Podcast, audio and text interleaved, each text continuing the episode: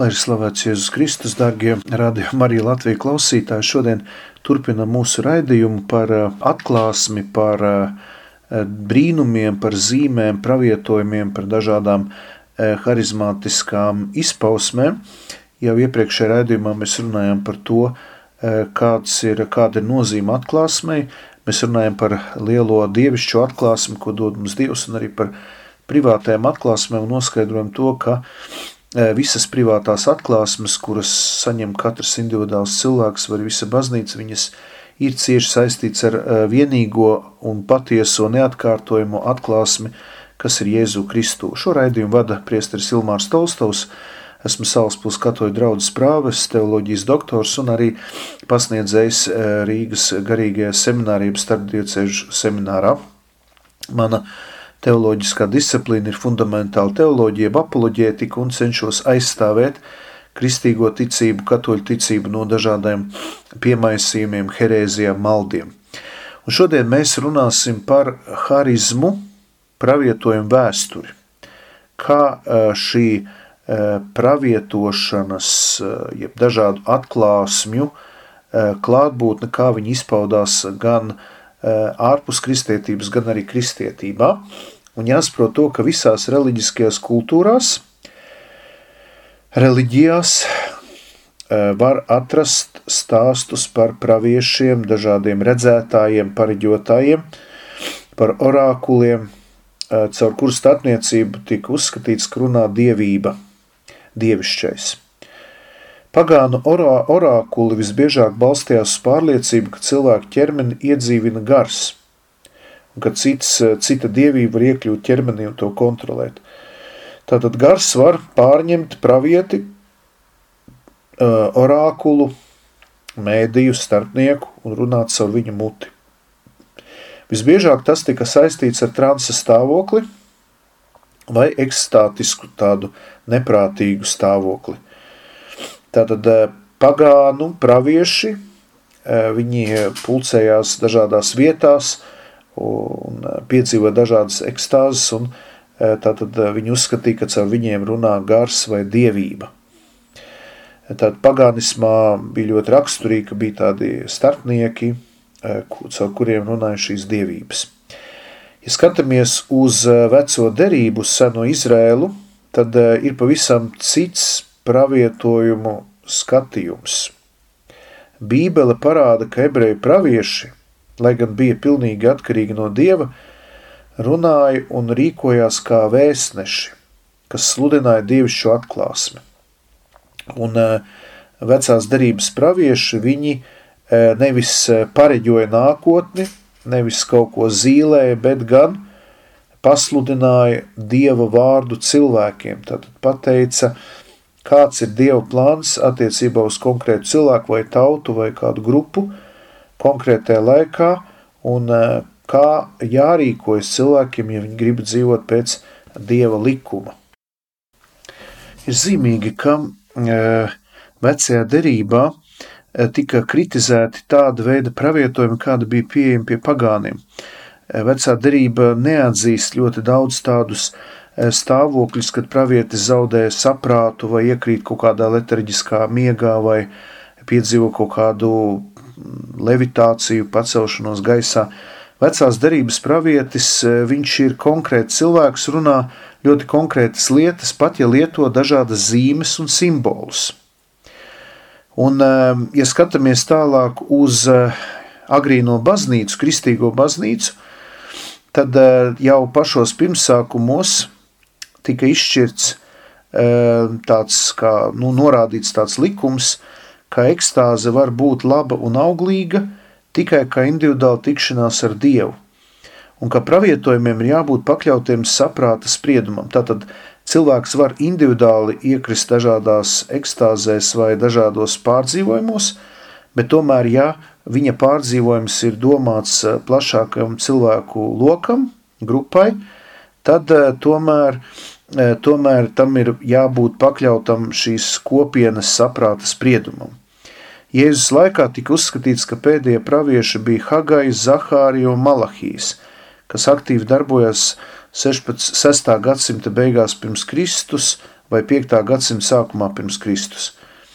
Pēc viņiem pravietiskā svaidīšana pazuda, lai gan Jahves gars turpināja darboties Izrēlā dažādos veidos, īpaši caur sapiencālo jeb gudrības tradīciju. Jaunajā derībā ir daudzas liecības par sajūsmu, ekstāzēm, kas pavada lūkšanu.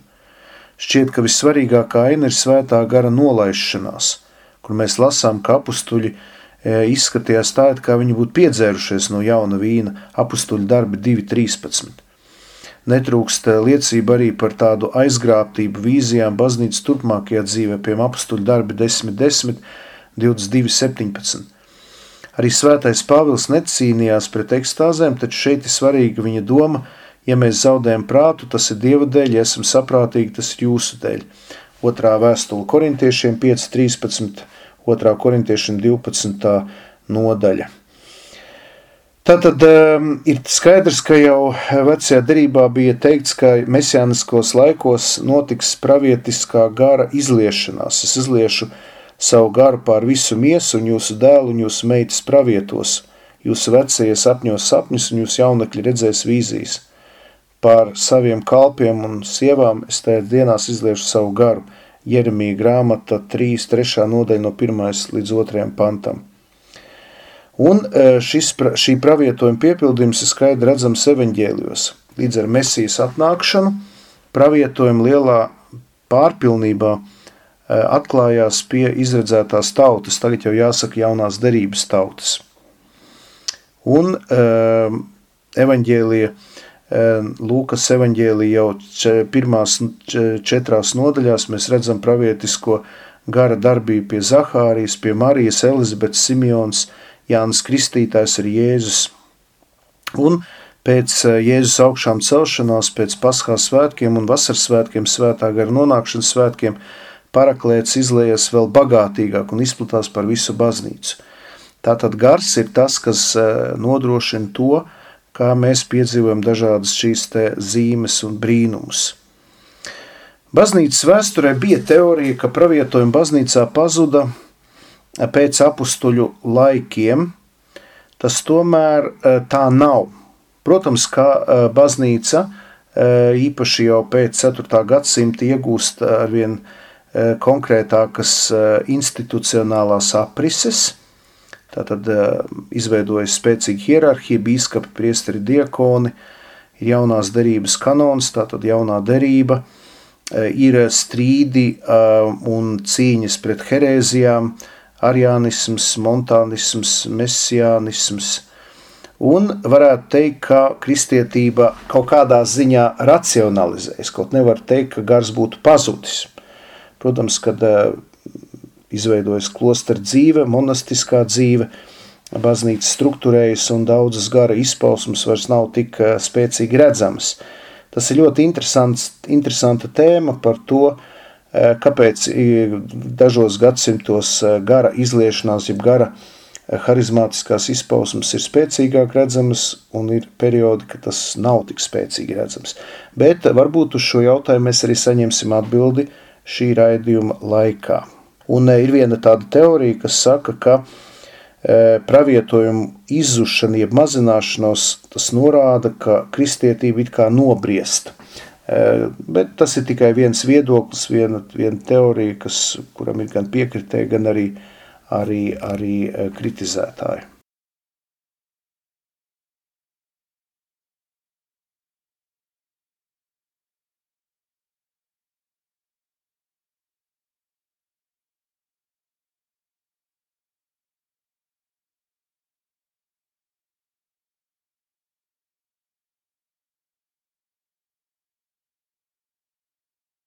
Apustuļu darbu grāmata ir spilgts agrīnās baznīcas dzīves apraksts, e, kas piepildīts ar svētā gara spēku, un harizmas tajā ir saprota, sastopams ļoti bagātīgi.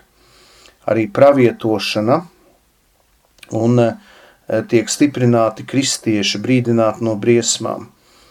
Arī svētais Pāvils, kurš ir pateicīgs par savu atgriešanos Ananijam, viņš pravietiski atklāsmē saņem pavēli – dziedināt un kristīt Pāvilu, tad Ananīs jā, saņem šo pravietisko redzējumu.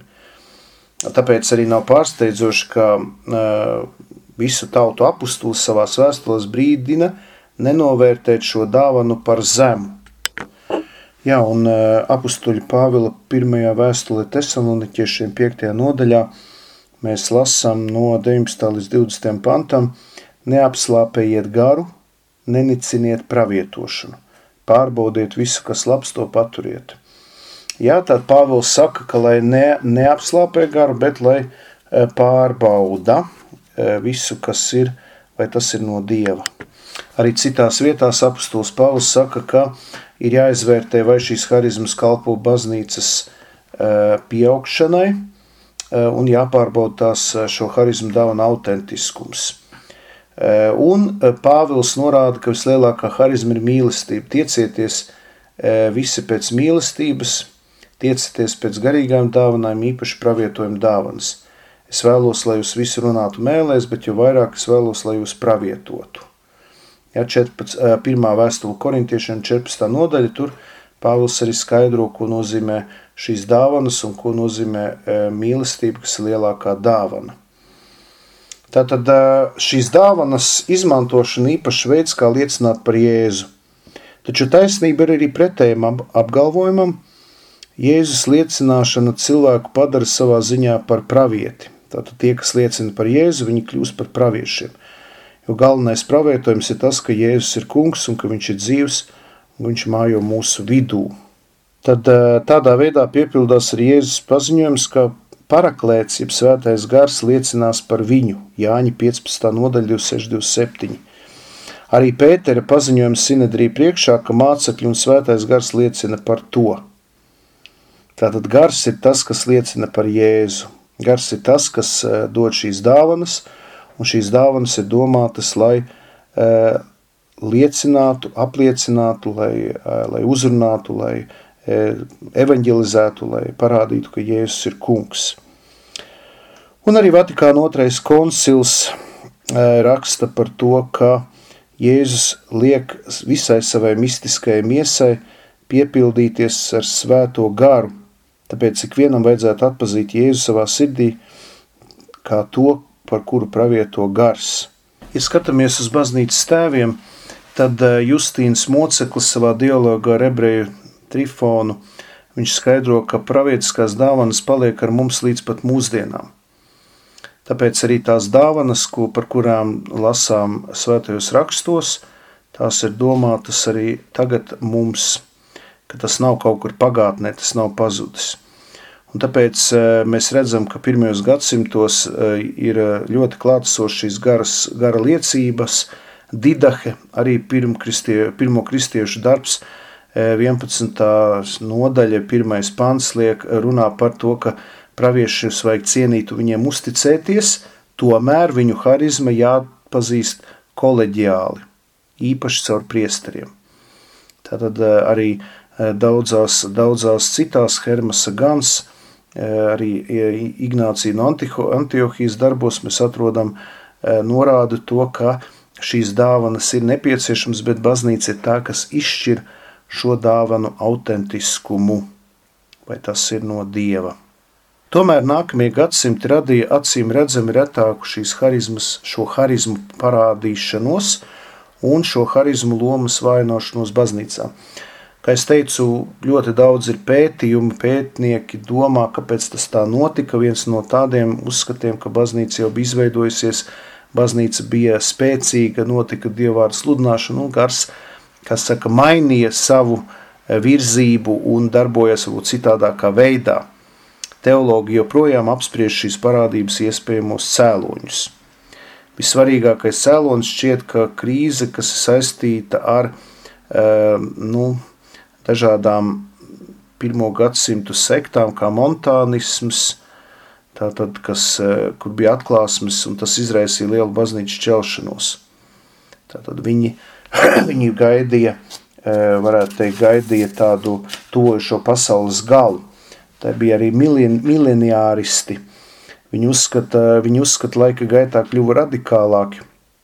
Viņi noliedz arī laulību, jo, ja pasaules gals ir tū, kāpēc precēties – Viņi arī uzskatīja, ka visiem biskupiem jāpakļaujas praviešiem. Tātad, eh, kādā veidā uz, uzsver, ka šī harizmātiskā dimensija ir svarīgāka un spēcīgāka par hierarhisko. Un viņi tā tad ievesa lielu, sa, lielu saja, sajukumu, un šis bija teikt, pirmais smagākais gadījums, kad privātās atklāsmes un tādas harizmas vēlējās kļūt svarīgākas par baznīcu un tās mācību un hierarhiju. Nu, un, jā, hierarhija un daudzi svētie mocekļi, svētie, viņi bija dievu klātbūtnes zīmes un tika nolemts, ja laika gaitā tas tā izkristalizējas, kad lielāks uzsvars tika likts uz hierarhisko dimensiju un arī tas, ka tādai hierarhijai, jeb dabiskām svētā gara izpausmes realitātēm varēja vairāk uzticēties nekā pārdabiskam. Tāpēc radās spriedze, konflikts starp hierarhisko un harizmātisko dimensiju baznīcā. Tātad eh, paz, izzuda spontānas lūkšanas sapulces, eh, dažādas privātos harizmas tika ierobežotas un eh, veidoja sakārtota liturģija. Un liturģijā viss bija paredzēts, sakārtots un nebija tādas vietas spontāniem kaut kādiem harizmātiskiem izpausmes veidiem, tas tika viss, var teikt, no, nolikvidēts, jeb tā, tā mazināts.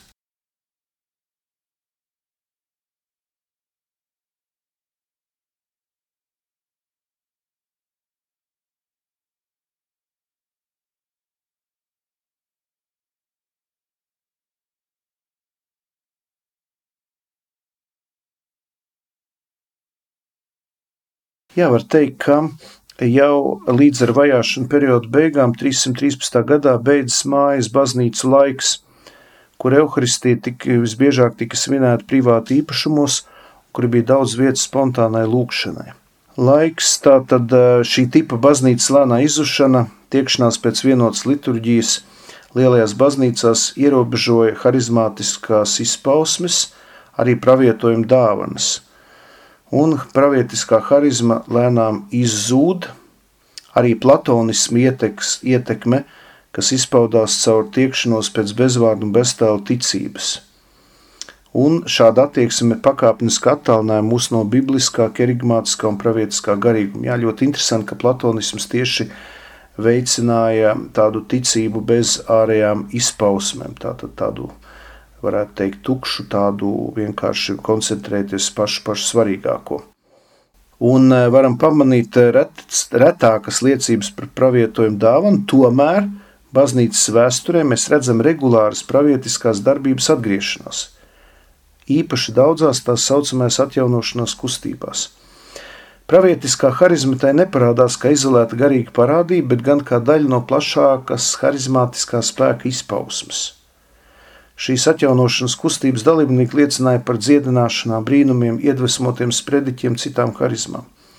Pirmā no šīm kustībām bija asketiskā kustība, kas gadsimta laikā pārņēma baznīcu īpaši Eģiptē Mazāzijā. Tad pirmie gadsimti tūkstneša tēvi, anahorēti, stilīti, kas bija alās uz stabiem, kas vēlējās ļoti dziļi pārdzīvot kristīgo ticību. Viņa vēsturē neskaitām dziedināšanas, pareģojumu, ļauno garu izdzīšanas un brīnumu piemēru. Askēti uzskatīja, ka pravietošanas dāvana ir liela svētība, taču tā nemaz nebija pārsteidzoša cilvēkiem, kur vēlēs sekot dievam. Otrais atjaunošanās vilnis bija saistīts ar klosteru kustību. Svētais Benedikts, kura biogrāfs liecina, ka šī svētā dzīvē pravietojuma dāvana nereti izpaudusies dažādās formās, pravietiskos vārdos, tēlos, darbos, un arī iedvesma saistībā ar topošā benediktīņu ordeņa uzbūvi. Pēc tam 12. gadsimts bija sākums spēcīgai pravietiskās harizmas atzimšanai, kurai bija nozīmīga loma Zviedrijas svētā Brigita, Hildegārde, svētā Elizabete, tāpat arī svētais Francisks, Nosijas, svētais Dominiks, un viņi visi, sekojot vecās derības praviešu paraugam, aicināja uz atgriešanos un reformām baznīcā. Savukārt 19. gadsimts rada bagātīgu marijā, marijānisko parādību traumu, Tātad Lasaleta, Lurda, Fatima un daudzās citās vietās.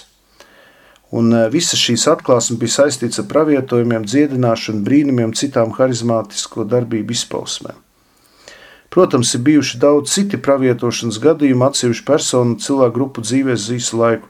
Taču 20. gadsimtā šī parādība atkārtojās, jeb atklājās ASV gadsimta pirmajā desmitgadē, un e, tā ir harizmātiskā kustība, kas sākumā attīstījās e, pie protestantiem un pēc tam arī katoļu baznīcā.